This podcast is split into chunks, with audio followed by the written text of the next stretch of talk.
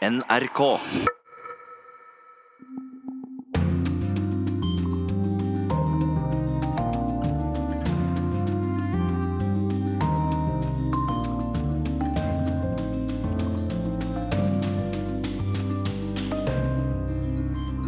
Velkommen til denne utgaven av Urix på lørdag. Som du hørte i bulletengen, så har det vært et stort terroranslag i Somalia. Det skal vi høre litt mer om. Men bortsett fra det, så er det mer eller mindre julefred i hele verden. Og det gir oss anledning til å både se litt bakover og høre noen av årets radioperler. Så dersom du følger med helt til slutt i denne knappe timen, så får du mye bra fra året som har gått.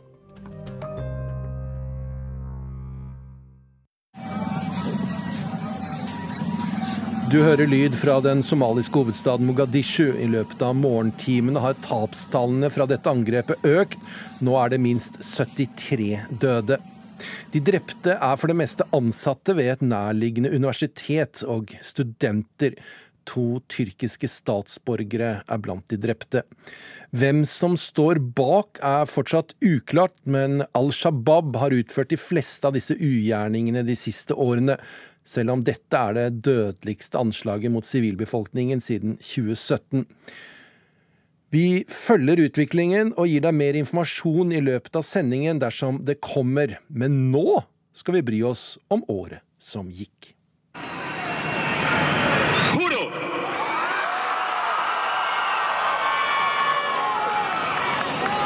Asumir formalmente las competencias Det er 10. eh, januar, og Juan Guaidó sier han er den rettmessige presidenten i Venezuela.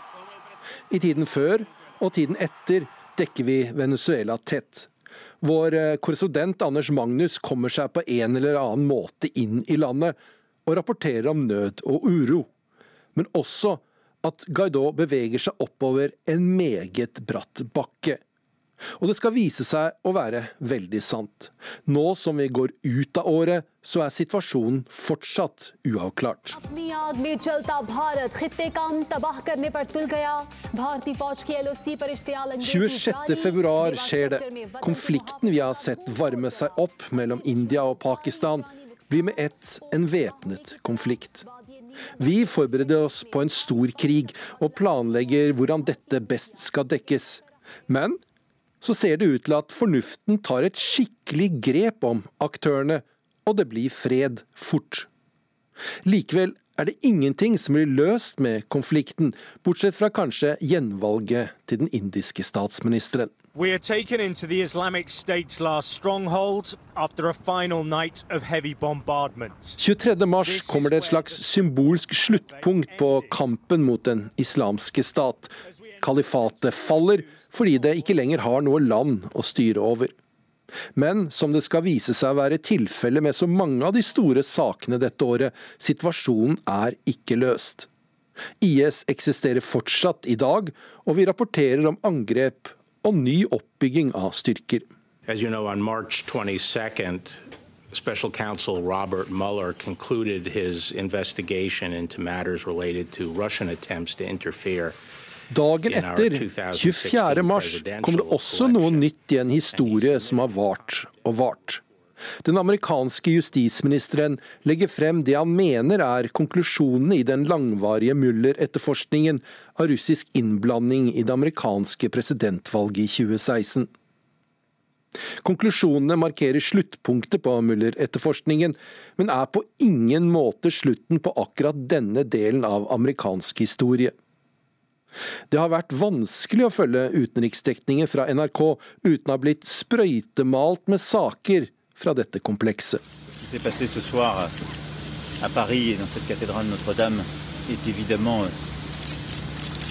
drame. 15. april skjer det noe helt uventet og dypt tragisk for så mange mennesker. Ikke minst de frankofile i utenriksredaksjonen. Notre-Dame brenner. Dette er kanskje den eneste av de virkelig store sakene dette året som har en begynnelse og mer eller mindre en slutt i løpet av året. Chinese government like make a promise to Hong Kong and say, oh, we would not extradite political dissident, we would ensure fair trial. And if 9. juni blir det klart for alle at noe alvorlig skjer i Hongkong. Da kommer den første massemønstringen med millioner av mennesker i gatene. Etter det har vi vært i byen med korrespondent Kjersti Strømmen igjen og igjen. Vi har også opparbeidet et nært forhold til unge demonstranter, som har fortalt eksklusivt til oss om sitt engasjement for et bredere demokrati. Men denne saken har heller ikke noen løsning nå som vi går inn i 2020. I have just been to see Her Majesty the Queen, who has invited me to form a government, and I have accepted. 24. juli tar Boris Johnson over som statsminister i Storbritannia. Vi har ikke gjort opp telling, men det er kanskje brexit vi har rapportert om mest i året som har gått. Og har det kommet en konklusjon? Ja, med valget i desember så ser det ut til at britene faktisk er på vei ut. På hvilken måte, og med hva, og hva skjer med Storbritannia, det får det neste året vise. The action of the Trump, the actions of the Trump presidency revealed the dishonorable fact of the president's betrayal of his oath of office. 24.9 har striden i Det demokratiske partiet i USA endt med en konklusjon. Det blir riksretthøringer mot Donald Trump. Og etter mye nærgående dekning av hendelsene i Representantenes hus de neste månedene, kan vi rapportere at presidenten blir den tredje i historien som får navnet sitt vanæret på denne måten. Men vi greier å legge til at det ikke er klart når en eventuell rettssak kommer til å skje.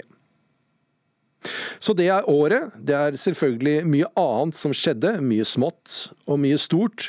Men i resten av denne sendingen skal vi bry oss om enkeltsaker som enkeltmedarbeidere i Urix-redaksjonen virkelig har brydd seg om. Så følg med videre.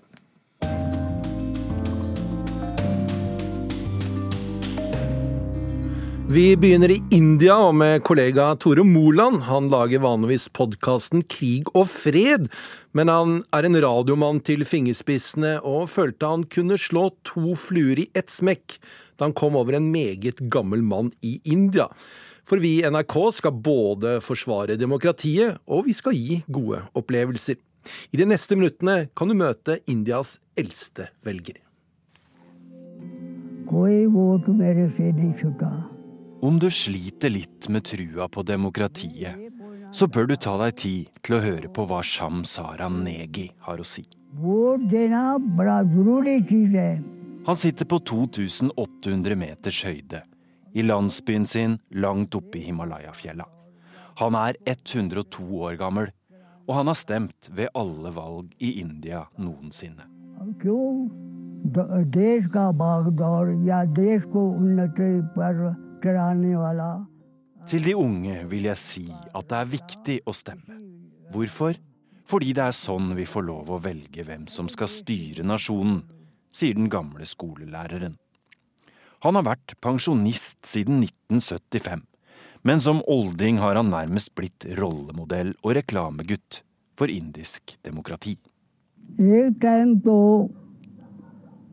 hum radio ke under the कई सौ सालों के बाद देश आज़ाद हुआ En gang i tida ble vi styrt av konger. Etter hundrevis av år fikk landet sin uavhengighet. Og så ble det bestemt at hvert femte år skulle vi ha et valg der en god og ærlig person skulle velges for å tjene landets beste, forklarer Sham til BBC. On this historic day, when India takes her place as a free and independent dominion in the British Commonwealth of Nations, I send you all my greetings and heartfelt wishes.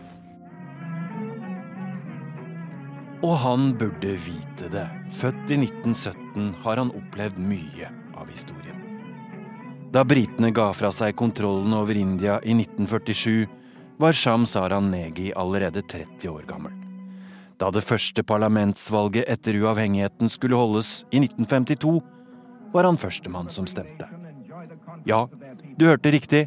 Han var den aller første som stemte ved et fritt og demokratisk valg i India. And then on the 25th October 1951, the great experiment unfolded. Among the first of our 175 million men and women to go to the polls were the hardy hill folk of the northern district of Himachal Pradesh.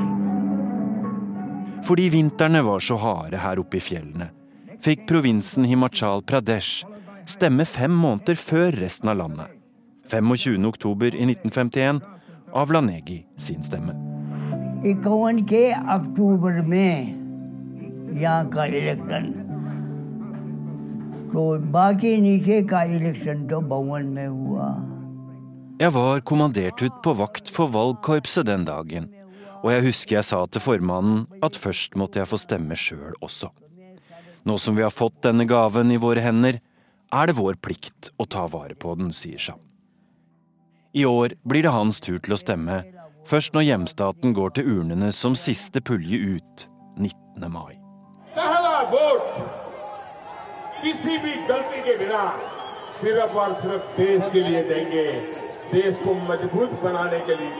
Med 900 millioner stemmer å kjempe om er parlamentsvalget i India det største valget i verdenshistorien. Statsminister Narendra Modi fra det hindunasjonalistiske BJP-partiet vant stort for fem år siden. Og i et religiøst mer splitta og økonomisk mer usikkert India blir årets valg ofte kalt en folkeavstemning. For eller imot statsministeren og BJP.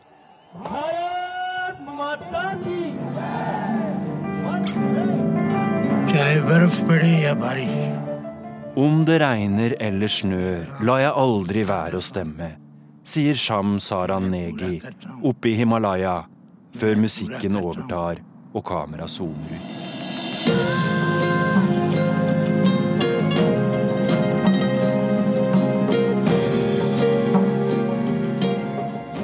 Ved forrige valg i 2014 ble den da 97 år gamle velgeren og hans fattigslige, men svært idylliske fjellandsby brukt i en reklamefilm fra Google India for å få de unge i landet til å stemme.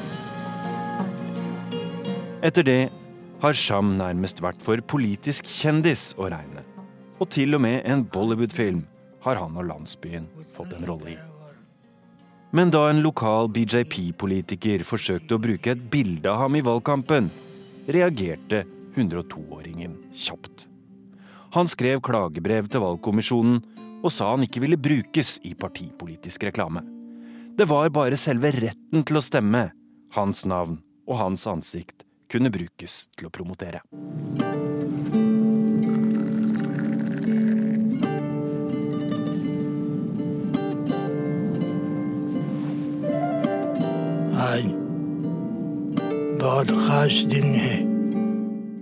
Så kanskje har denne skrukkede, krokryggede og tannløse 102-åringen mer enn bare et fint fjes for fargefjernsyn. Kanskje har han også noe å lære bort om verdien av frihet og folkestyre.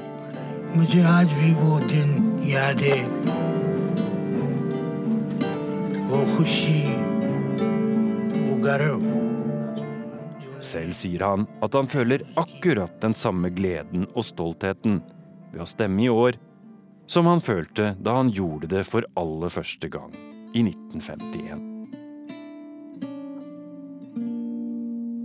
Tore Moland der. Nå til vår kvinne i Istanbul, Sissel Wold.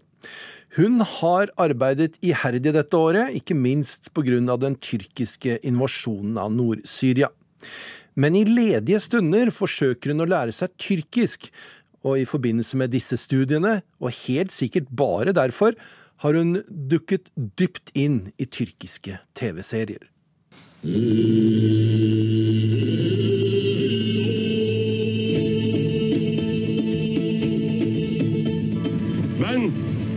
Süleyman Şahoğlu Ertuğrul. Jeg er Ertugul, sønn av Suleiman Shah fra Kayi-stammen. Når seriens helt presenterer seg for folk, skaper han ærefrykt eller redsel. Han er Anatolias beste kriger med en klar ambisjon. Å samle alle nomadetyrkere i ett rike. Türk and içerse sözünü tutmadan ölmez. Ertugrul er hovedpersonen i det historiske TV-dramaet Dirillers Ertugul. Ertuguls oppstandelse. Den virkelige Ertugul levde på 1200-tallet, da tyrkernes forfedre var nomader i Sentral-Asia. Nomadestammene var stadig på vandring, levde i telt og på hesteryggen. I år etter år slåss Kai-stammens krigere med sverd, pil og bue og økser mot korsfarere, mongoler og seg imellom. Med sin lille gruppe trofaste krigere bereder Autogul grunnen for det osmanske riket, og sønnen hans, Osman, grunnlegger det. Historien er som skapt for film i dette TV-dramaet som har alt. Ytre fiender, forrædere i egen leir, samhold og rivalisering, kjærlighet og sjalusi og intrigemakere. Ikke minst har serien mange sterke kvinneskikkelser. Haime er Ertuguls mor, og hun leder Kai-stammen i flere år. Kvinnene håndterer pil og bue og sverd om nødvendig. Og dette er kanskje lyden du hører oftest i serien. Menn som trekker sverd for å slåss. Men likevel ser vi ikke så mye blod. Serien er også halal for øyet. Her er ingen bar hud. Og uansett hvor forelsket de nygifte er, kysser de hverandre bare på pannen. Serien, som har 13-årsgrense, er blitt familieunderholdning i hele Midtøsten og i Asia. Som hjemme hos firebarnsmoren Ikram Ekremawi i palestinsk Øst-Jerusalem. Jeg liker motet hans, og dessuten er jo serien så spennende, sier Ekermawi på telefon fra Jerusalem.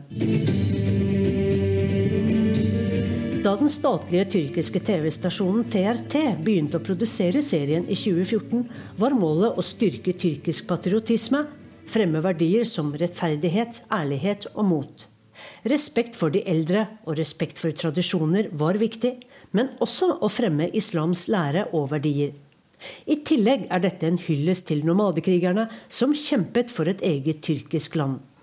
Så hvorfor har historien om Autorul vunnet et så stort publikum utenfor Tyrkia?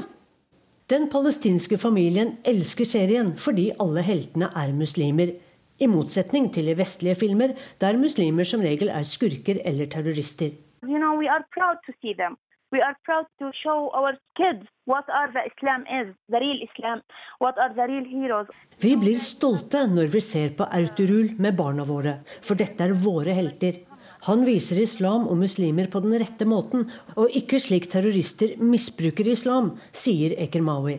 And uh, all of my friends are watching it. I Akra i Nord-Irak ser også den kurdiske familien Miktad på Erturul. Vi deler kultur, historie og religion med tyrkerne, så vi kjenner oss igjen her hele veien, sier Sanan Miktad. Han mener de statsløse kurderne har mye å lære her. Small, tribe, Det burde vi også få til, sier legen til NRK. En grunn til suksessen, mener skaperne av serien, er at det er lett å identifisere seg med karakterene, fordi de er mennesker med egenskapene vi alle har. Gönlümün sultanı, çocuklarımın anası. Den fryktløse Ertugul, som spilles av Engin Altan Yusyatan, viser raseri, men også fortvilelse og tvil, forelskelse og kjærlighetssorg. Kritikerne mener at serien blir for nasjonalistisk, og at den fremmer hellig krig. Men de mange millioner trofaste seere elsker karakterene, de flotte kostymene og å se hvordan nomadene levde i sine imponerende buede telt, dekorert med fargerike tepper, dyreskinn og symboler. Både historiske og moderne TV-drama er blitt big business for Tyrkia.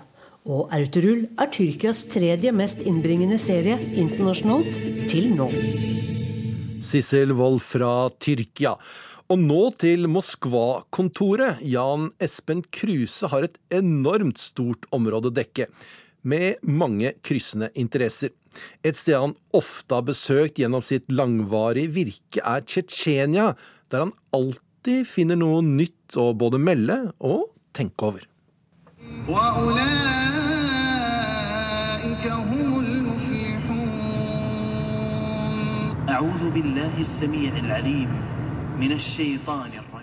Nei da, vi er ikke i en moské.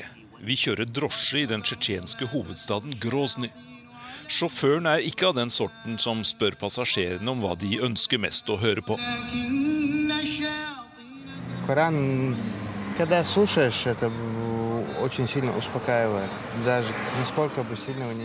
Dette er en opplesning fra Koranen, opplyser drosjesjåføren. Han synes at det er svært avslappende å høre på opplesning fra Den hellige boken. Musikk har han ikke i bilen. Det liker han ikke i det hele tatt. Men hva så med kundene?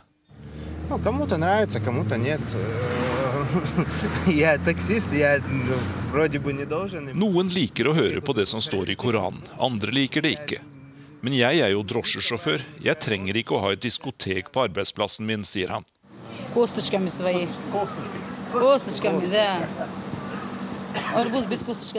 På markedet i Gråsny argumenterer en kvinne for vannmelonene hun selger.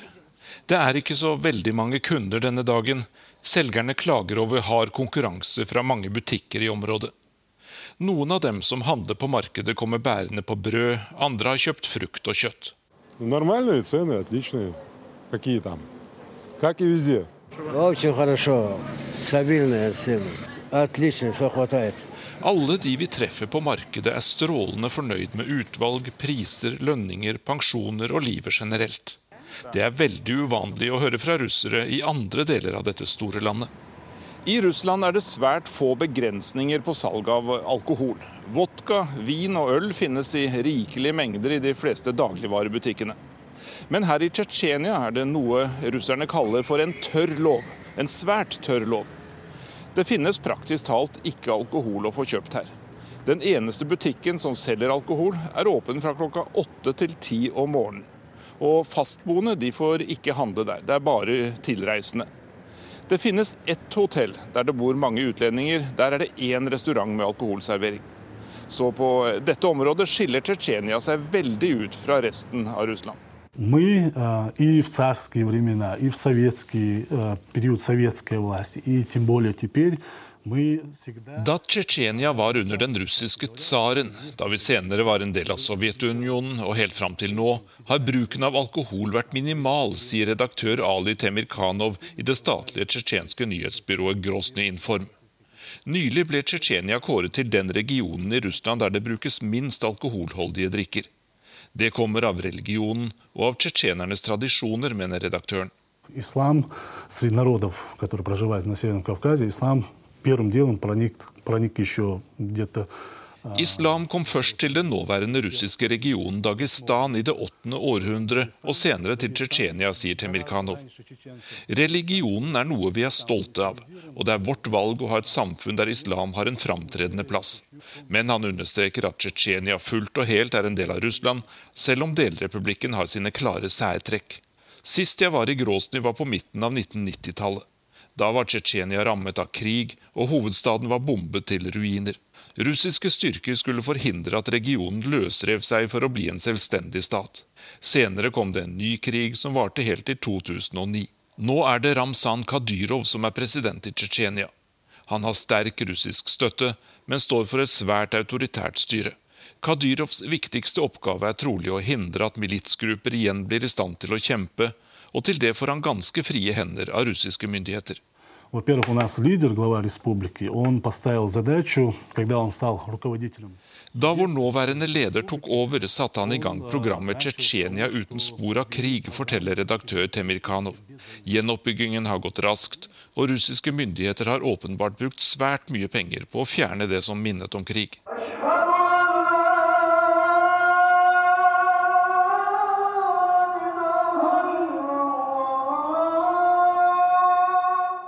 Det kalles til kveldsbønn i moskeen som bærer navnet Tsjetsjenias hjerte. Den er svært vakker og har plass til 10 000 mennesker. Utenfor Gråsny åpnes snart en ny moské som er dobbelt så stor. Den skal ifølge tsjetsjenerne bli den største i Europa. Vi hørte Jan Espen Kruse i det siste innslaget. Nå til vår relativt ferske utsending til Berlin, Roger Severin Bruland. Han skal ikke bare dekke Tyskland, og et av områdene han har ansvaret for, er Balkan. Før han dro ut, fikk han en advarsel om minst to ting. Ikke for mange historier om Balkan, og ikke for mange om dyr. Her kommer resultatet. Dette beistet skal snart i kamp. Over 700 kilo med muskler skal slåss mot en like stor motstander. Det er korrida i Bosnia, kamp mellom okser. Og stemninga er elektrisk.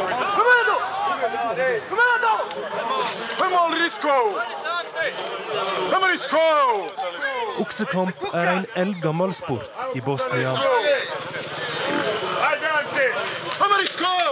Helt risikofritt å være publikum er det heller ikke.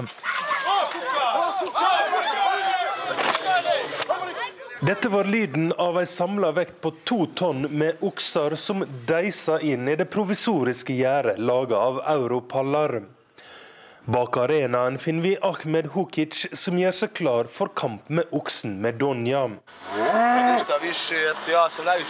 Ahmed er bosnisk muslim, men sier det går helt greit å konkurrere i denne katolske landsbyen Grude, på grensa til Kroatia. Han forteller at her kommer det okser fra hele det tidligere Jugoslavia, og at en legger gammelt fiendskap til side. Den politiske situasjonen i Bosnia er krevende pga. en blodig krig som raste her på 90-tallet. Fremdeles er skolene delte, og folk har mye bitterhet til hverandre. Men Ahmed forteller oss at det er en arena der folk kan komme sammen for å snakke om andre ting enn politikk. Noen hundre kilometer lenger nord ligger svette mannfolk og bryter med hverandre på gummimatter i en liten gymsal i Sarajevo. Instruktøren Adem Redzovic er en av de beste i verden i kampsporten brasiliansk jiu-jitsu. I've been coming ever since the war. I was born in Chicago, so after the war I started coming. We have one of our top black belts here, Mohammed Nesrin. Han forteller at området der gymsalen ligger, var plaga med mye ungdomskriminalitet. Men at de har klart å snu denne utviklinga ved å gi ungdommene et spanende tilbud. Being on the side of unity and peace, you know, we're trying to, through sport, impact the community in a positive way. And I think if everybody from every community comes together for something good, that can only be good for everybody. Adem er også en praktiserende muslim og sier at islamske verdier er viktige når en trener denne kampsporten. You know, our own Islamic uh, identity, we have some of that. That seeps into here as well, as far as character development, things like that. Men på matten rundt ser en både ortodokse kristne og katolikker. Her kommer det folk fra alle samfunnslag. Advokater, dataingeniører og tidligere fengselsfugler med store tatoveringer. Og den viktigste verdien er at alle skal delta. Også NRK får ei runde med juling på matta. Yeah, I had enough. Vi får trimma litt i Sarajevo òg. Tilbake i Grude er Ahmed Hukic og Medonja klar for kamp. De to oksene låser horna i hverandre og begynner å skubbe. Kampen bølger fram og tilbake, men så klarer Medonja å stange motstanderen ut av balanse. Kampen blir straks avbrutt, og Medonja blir utpeka som vinner. Ett år med trening er lønna med siger. Og bak i ølteltet kan festen begynne. En gammel mann flirer og ber oss om ikke å filme han fordi han har etterlyst i krigsforbryterdomstolen i Haag. Vi tror det er fleip, men er ikke helt sikre.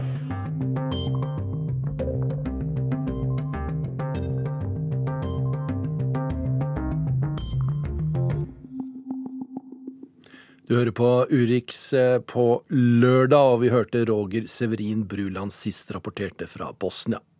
Nå til en av seniorene i redaksjonen, den tidligere London-korrespondenten Øystein Heggen. En mann som helt klart ikke har lagt vekk sin kjærlighet og interesse for øygruppa. Og de spesielle regler og sedvaner som dominerer det britiske parlamentet. Rop om ro i salen, overartikulert og ofte teatralsk, og kjendis langt utover Storbritannias grenser. 56 år gamle John Burkov gikk av som speaker i går, den lengstsittende siden 1940. For ti år siden lovet han å reformere Underhuset.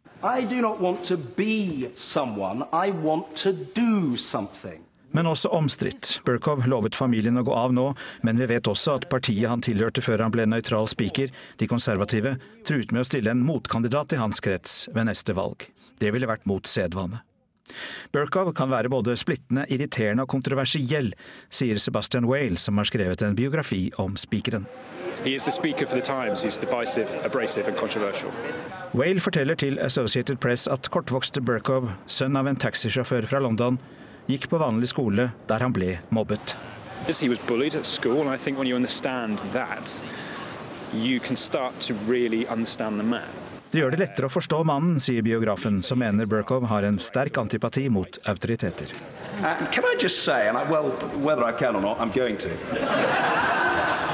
Men av tidligere medarbeidere i Underhuset har Burkov selv blitt beskyldt for mobbing, noe han avviser på det sterkeste. Burkov har stått opp mot regjeringen, bl.a. under behandlingen av brexit-avtalene. And I will not be pushed around by agents of the executive branch. Han er blitt beskyldt for å være partisk. Hatet av hardbarka brexit-tilhengere og elsket av EU-tilhengere. Burkov styrte prosessen da parlamentet tok over dagsordenen fra regjeringen, og presset fram et lovforslag som forbyr brexit uten en overgangsavtale med EU. Han vant kampen mot Boris Johnson-regjeringen da de sendte parlamentet i permisjon i fem uker foran dronningens trontale, såkalt prorogation.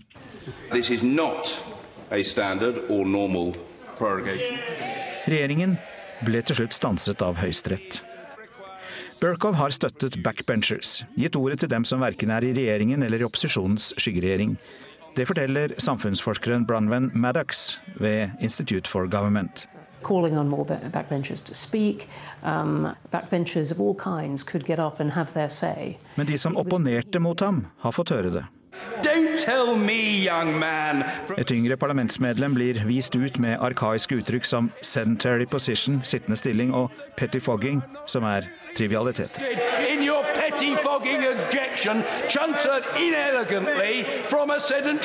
Hans språk har til tider vært arkaisk, som en våpendrager fra dronning Victorias hoff, som en kommentator formulerte det. Dette ble trukket fram som positivt av en vanligvis hard kritiker av Burkov, konservative Jacob Rees-Mogg, i går. Og han trakk fram sjeldent brukte ord på engelsk som beskriver mumling, medisin, langtekkelighet, protester og hvisking.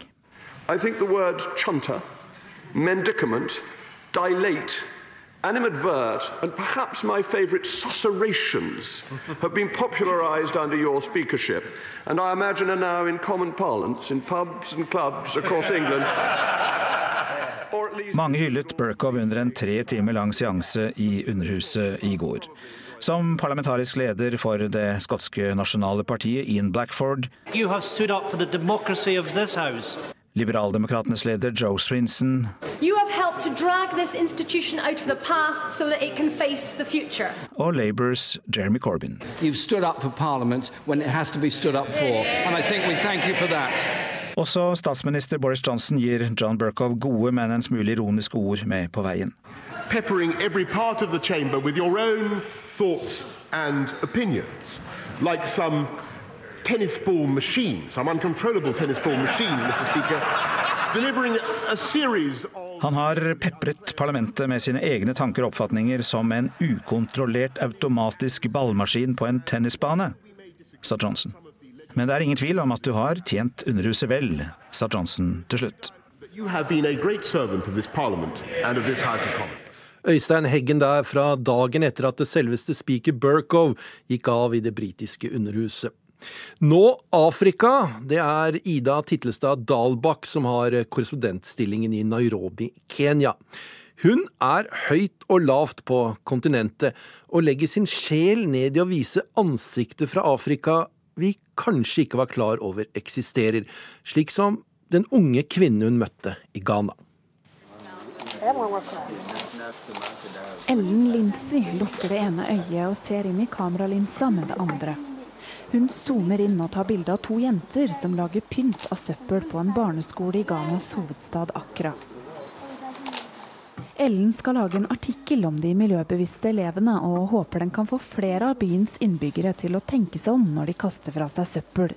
Every time if I walk by somewhere and I see any waste just lying about, I, I so. Hver gang jeg ser søppel på gata, blir jeg så lei meg fordi jeg tenker på hva klimaendringene har ført til, sier Ellen. De store, svarte krøllene danser rundt ansiktet når hun forteller engasjert om demonstrasjonene hun har arrangert for ungdommer i Ghana. På den grønne T-skjorta hennes står initialene til miljøprogrammet hun leder, som heter Young Reporters for the Environment. Ellen blir kalt Ghanas svar på Greta Thunberg, og deler synspunktene til den svenske jenta som har fått skoleelever til å streike for klima over hele verden. What Greta is doing, so she is saying that this is an emergency. We need to treat it as that. Greta Thunberg sier at verden må ta miljøkrisen på alvor, og det mener jeg også. Vi må handle nå, sier Ellen. Ghana er et av landene i verden som sliter mest med plastforsøpling, og strendene langs kysten er fulle av plastikk og annet avfall. Landet produserer over 300 tonn plast hver dag, og 80% blir ikke samlet inn og behandlet på en ordentlig måte. Tusenvis av plastflasker kildesorteres i et av de få resirkuleringssentrene i Akra. Hos Green Recyclers like utenfor hovedstaden kan innbyggerne levere søppel og tjene rundt 60 øre per kilo. Ghanas president Nana Akufo-Addo har lovet at Accra skal bli Afrikas reneste by innen hans første presidentperiode er over i 2020. Men mye må gjøres for det målet er nådd. We can put in all the policies, we can put in all the measures to ensure that we achieve that. But the people, someone says, the waste don't just appear. Det hjelper ikke med fine løfter dersom folket ikke tar ansvar. Det er innbyggerne som må endre holdningene til hva de gjør med avfallet sitt, sier Kristine Akvaboa. Hun jobber i miljøorganisasjonen Environment 360 og er på besøk på resirkuleringsstasjonen for å følge opp arbeidet som gjøres her. We have to change our mindset, we have to join hands, know that we can do it only when we work together.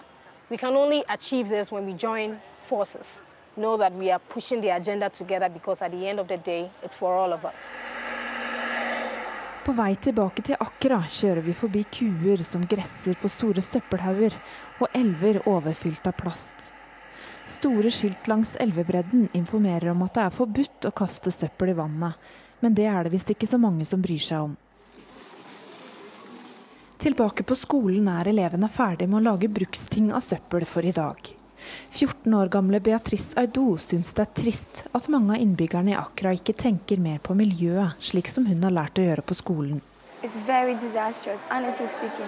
I mean, if you look around you, left to right, there's garbage everywhere. And whenever it rains heavily, even for 30 minutes, there's, a there's flood. As long as I'm concerned, the environment is my responsibility, as I am interdependent on the environment. And moreover, if I want to survive, Miljøet er mitt ansvar, fordi jeg er avhengig av å ta vare på det for å overleve.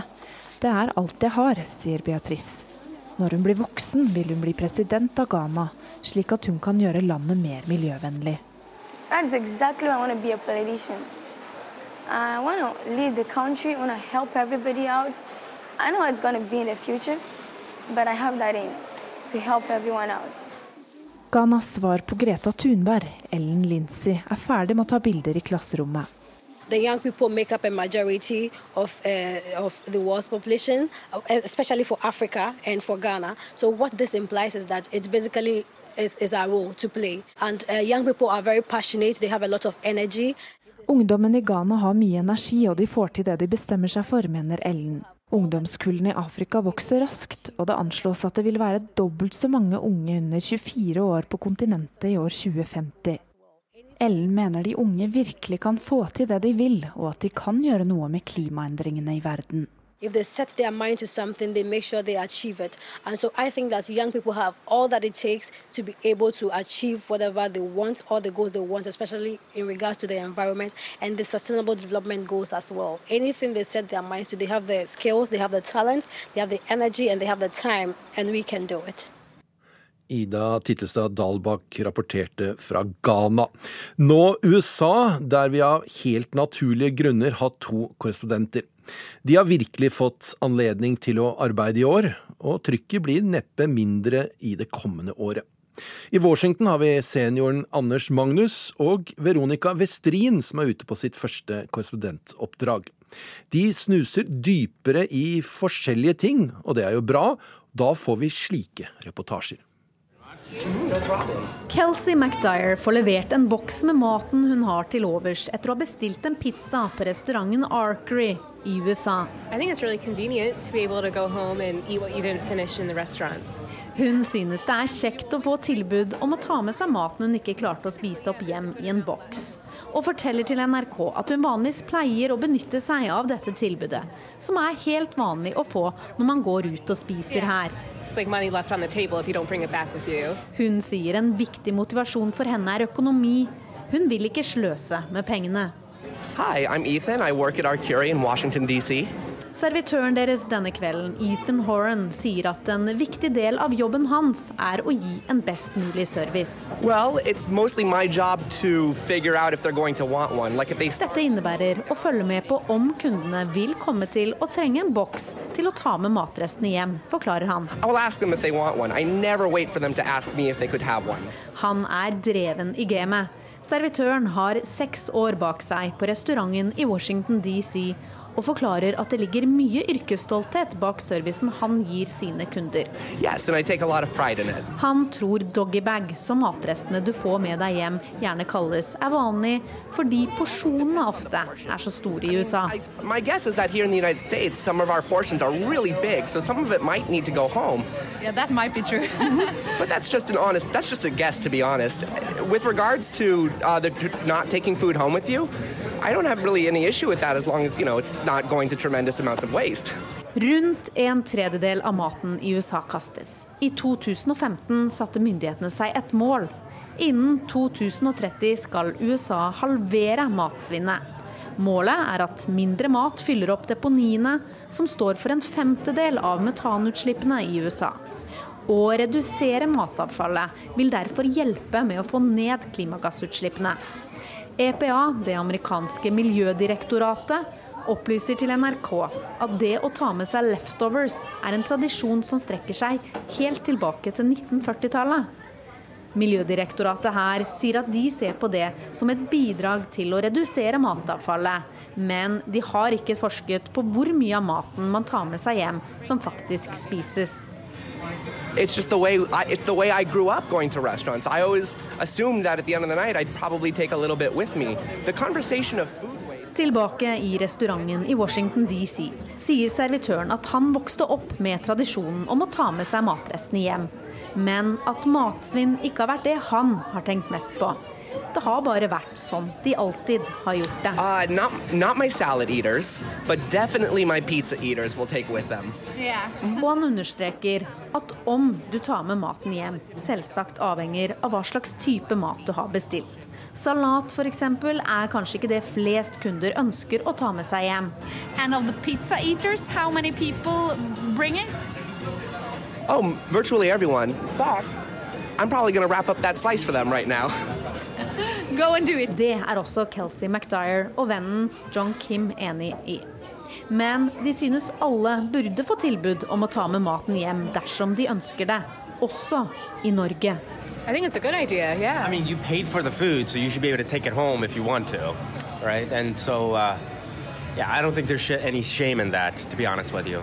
Yeah. Yeah. Anything else you can do for y'all? Det var Veronica Westrin som hadde møtt amerikanere og snakket med dem om mat, som eh, mange amerikanere kan mye om. En liten oppdatering om dette forferdelige angrepet i Somalia. Eh, nå har antall dødsofre økt til 76, og det er fortsatt ingen som har tatt på seg ansvaret for ugjerningen. Nå til en eh, korrespondent som både er eh, korrespondent og ikke. Arnt Stefansen er teknisk sett frilanser. Han rapporterer for det meste om Latin-Amerika fra sin base i Brasil. Men han reiser mye rundt, og på et besøk i Roma dette året kom han over noe informasjon som han raskt ble overbevist om var sendeverdig stoff. Jeg er ved Largo Argentina, et enormt hull i bakken i Romas historiske sentrum, der restene av gamle hedenske templer trekker tilreisende fra hele verden. Men de færreste vet at dette var åstedet for det kanskje mest berømte av alle politiske drap. Den 15. mars år 44 før Kristus, da Romas hersker Julius Cæsar kommer til møte i Senatet, skjer dette. Hva venter dere på, skriker Cassius, anføreren for en gruppe senatorer som med hevede dolker går løs på legenden Cæsar. Men hvorfor gjør de dette? Grunnen er jo kampen mellom, for å si det enkelt, eh, demokrati og diktatur. Sier romaeksperten Thomas Thies Evensen, som minner om at Cæsar var blitt utpekt til diktator av Roma på livstid, og at hans fiender fryktet at dette var slutten på demokratiet, altså den romerske republikk. I en av mange dramatiseringer gjenskapes mordet. De mer enn 20 senatorene stikker kniven i Julius Cæsar, blant dem hans venn Brutus. Men morderne lyktes ikke med å redde republikken, for keiserdømmet var uunngåelig, sier Thomas Thies Evensen. Republikken råtnet på rot, kan man si. Tiden var eh, moden for et sterkere sentralstyre.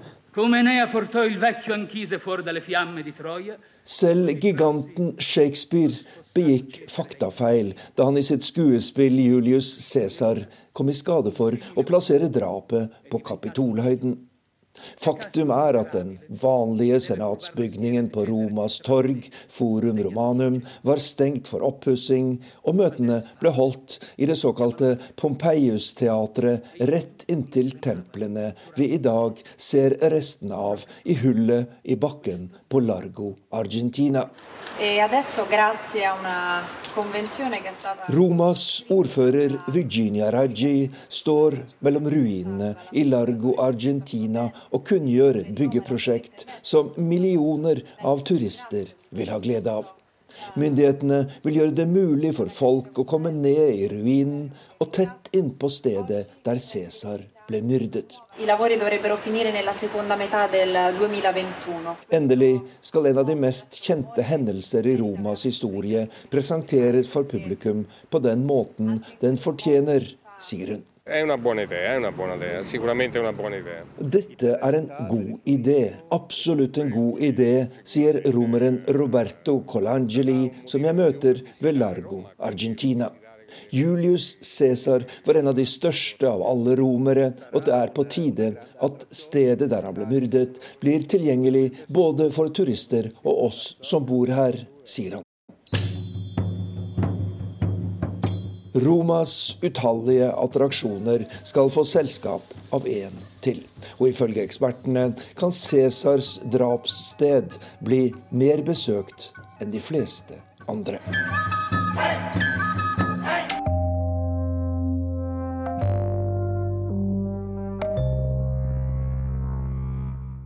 Arnt Stefansen fra Roma sist der. Nå nærmer vi oss slutten på denne romjulsutgaven av Urix på lørdag. Nå skulle vi egentlig ha hørt et eh, korrespondentbrev, men det er et innslag som mange har ønsket å høre igjen, og som passer akkurat nå. Det er et utmerket eksempel på hva som skjer når kollega Morten Jentoft får anledning til å slippe seg løs om et tema han brenner for. Lenge hadde han planlagt å lage denne saken, men i år kom den.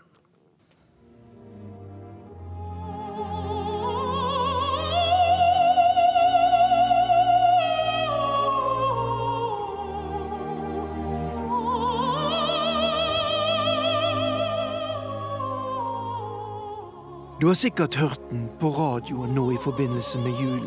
Den latviske stjernesangeren Elina Garanche som synger Ave Maria, komponert av Giolo Caccini. I en bisetning får du muligens opplyst at kanskje er det ikke den italienske komponisten Caccini fra tidlig barokken som står bak, men en ukjent russer ved navn Vladimir Vavilov. Og for en musikkinteressert person som meg var det god nok grunn til å dukke ned en ganske ukjent del av musikkhistorien.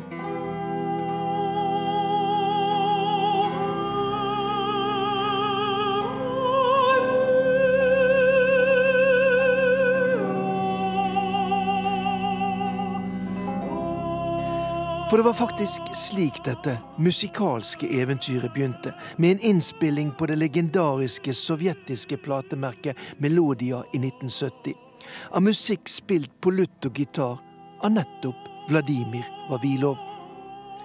På plateomslaget står det bare at musikken er komponert av en anonym komponist, og innspillingen den gangen vakte ikke så mye oppsikt, til tross for at den ble vakkert framført av Vladimir Vavilov selv på lutt, og med Nadezjda Weimer på sang.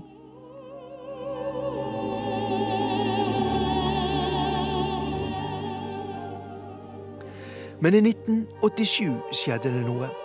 Organisten på det opprinnelige opptaket fra 1970, Mark Sjaki, hadde tatt fram igjen Ave Maria, og med en av stjernene i sovjetisk opera som solist, Irina Archipova, ble den innspilt på nytt. Men denne gangen var anonym byttet ut med den italienske komponisten Giolo Caccini.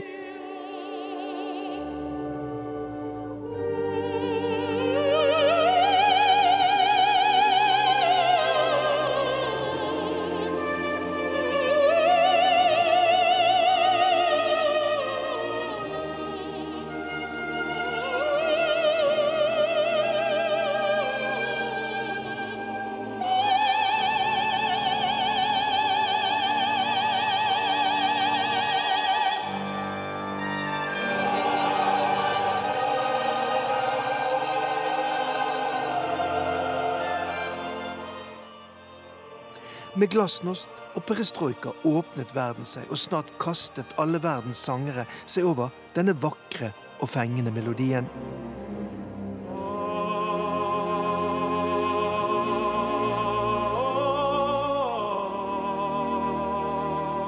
En av dem var Andrea Bocelli, som solgte millioner av CD-er, bl.a. pga. sin Ave Maria. Men dette var en suksess som opphavsmannen aldri fikk oppleve. Vladimir Vavilov døde av kreft allerede i 1973, i hjembyen som den gang het Leningrad. Som lutt- og gitarspiller i Sovjetunionen var livet aldri en dans på roser. Han døde svært fattig, og det var bare de nærmeste som fulgte ham til graven i Pavlovsk, litt utenfor Russlands nest største by.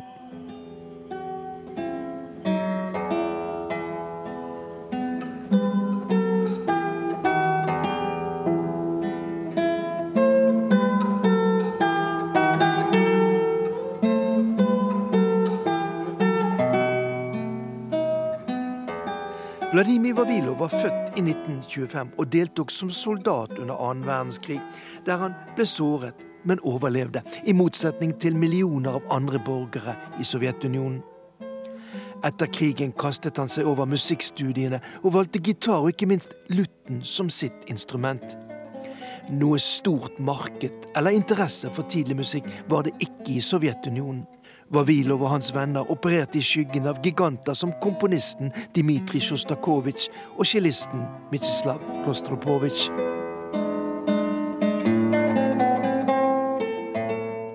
Men i 1970 fikk Vladimir Vavilov innspilt en del av sine melodier, bl.a. canzona og dans, som han på plateomslaget skrev var komponert av Francesco da Milano, en annen italiensk tidlig musikkomponist. Под небом голубым Есть город золотой С прозрачной Denne vakre musikken fikk de russiske poetene Henri Volokonskij og Aleksej Vostenko til å skrive en tekst, og dermed var klassikeren Gorod Salatoj, en by av gull, født. Denne sangen ble i 1987 gjort kjent for et stort publikum gjennom filmen Assa, som utspiller seg i et halvkriminelt miljø på Krim, og som ble en kultfilm og et symbol på at ting var i ferd med å endre seg i Sovjetunionen. С ними золотой орел небесный чей так светил взор незабываемый. Men denne suksessen fikk altså Vladimir Vavilov aldri oppleve, og mange har spurt seg hvorfor han ikke ville utgi og publisere sine komposisjoner under eget navn. Kanskje var det falsk beskjedenhet, kanskje var han usikker på hvordan det ville bli mottatt at en sovjetisk komponist i et kommunistisk land komponerte en melodi som var en hyllest til den hellige Maria. Hvor mye penger Vladimir Vavilov og hans etterkommere har gått glipp av pga. at han ikke ville oppgi seg selv som komponist, vet vi ikke. Men tenk på det neste gang du hører en av de utallige versjonene som nå finnes av Ave Maria, f.eks. med Inessa Galante, at dette er musikk som ble komponert i et ofte grått Sovjetunionen på slutten av 1960-tallet.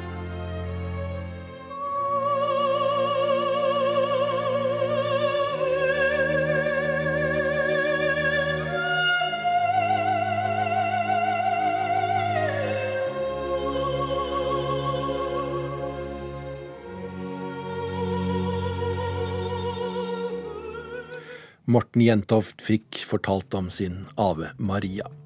Denne utgaven av Urix på lørdag er over. Teknisk ansvarlig Ida Larald Brenna. Produsent Ingvild Ryssdal. I studio satt jeg, og jeg heter Halvard Sandberg.